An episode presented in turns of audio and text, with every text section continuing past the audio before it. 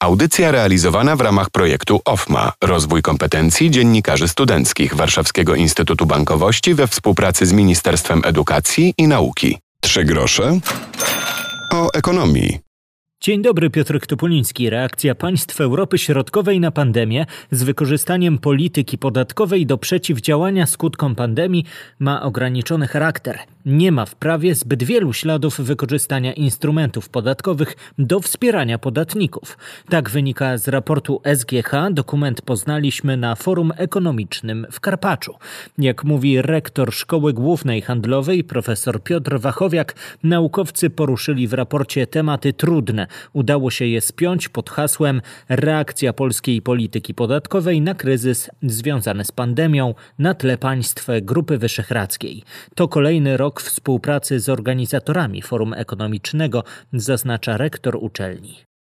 Jak widzimy rozwój naszej gospodarki po pandemii, co się dzieje na rynku pracy, co się dzieje w demografii, co się dzieje w ochronie zdrowia, jak możemy pomóc. To są te najważniejsze kwestie, sprawy podatkowe bardzo istotne. Pracowało nad tym raportem 55 ekspertów ze Szkoły Głównej Handlowej w Warszawie. Dziękuję tutaj przedstawicielom ekspertów, którzy tu siedzą, na czele z panem profesorem rektorem Markiem Rockim, który zapoczątkował raporty 4 lata temu. Dokument to ponad 400 stron, podkreśla dr Mariusz Strojny, redaktor naukowy raportu SGH i Forum Ekonomicznego.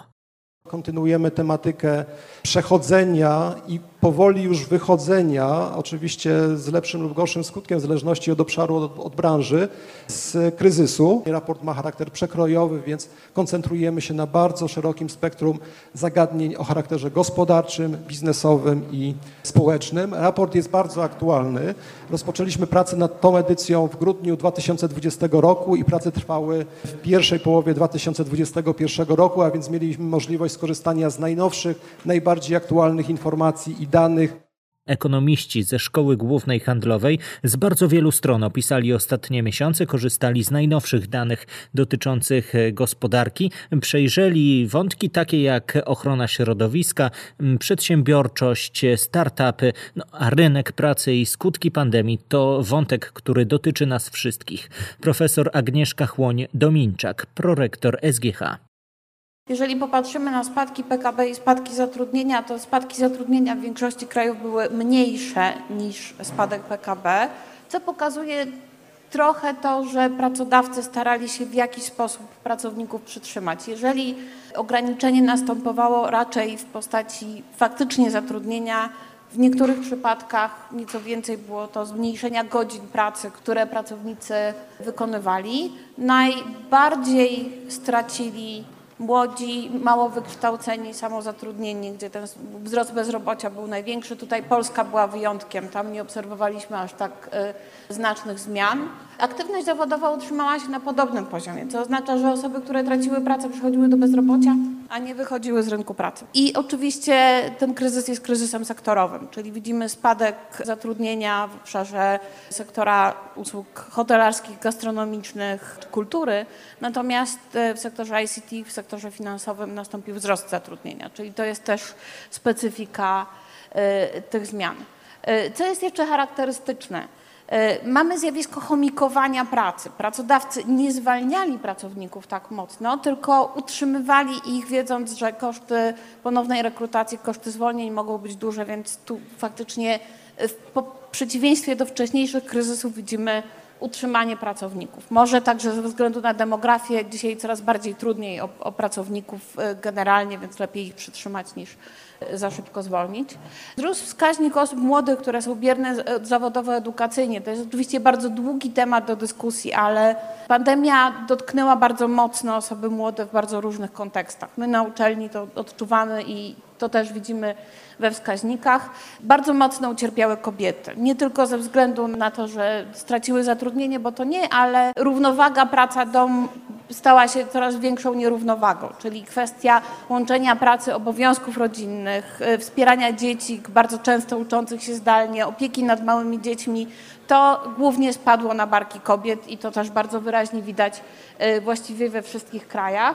Spadły migracje zarobkowe bardziej w krajach OECD niż w krajach Europy Środkowo-Wschodniej, więc tutaj widać, że ten rynek też pomimo naszych obaw nadal się rozwijał. I na koniec też popatrzyliśmy na dialog społeczny gdzie widać, że okres kryzysu jest jednak okresem konstruktywnego dialogu i to też bardzo wyraźnie wybrzmiewa w naszych analizach, że mamy więcej współpracy i mniej konfliktu i mamy nadzieję, że to się utrzyma, żeby pandemicznych uwarunkowań lepiej na rynku pracy wyjść.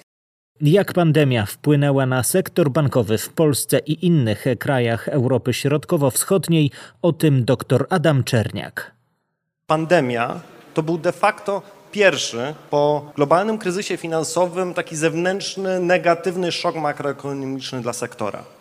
Pojawiło się podstawowe pytanie, czy te regulacje, które zostały wprowadzone, czy to, co się zadziało z sektorem bankowym od 2008 roku, czy to miało wpływ na to, jak sektor bankowy mógł sobie poradzić z kolejnym kryzysem. Generalna informacja jest taka, że było dobrze, że naprawdę sektor bankowy poradził sobie bardzo dobrze. Współczynniki wypłacalności pozostały na wysokim poziomie, zabezpieczenia kapitałowe banków były dobre, nie nastąpił znaczny wzrost y, wartości niespłacanych kredytów i de facto sektor bankowy sobie poradzi. To, co zaobserwowaliśmy także, to to, że nastąpił spadek popytu na kredyt, to jest dosyć ważne, i to mimo, i to jest ostatnia część i ostatni moim zdaniem najważniejszy wniosek z tego badania, i to mimo tego, że nastąpiło złagodzenie warunków, jeżeli chodzi o wartość kapitału, którą muszą działać banki czyli zmniejszono bufory antycykliczne kapitałowe w sektorze bankowym.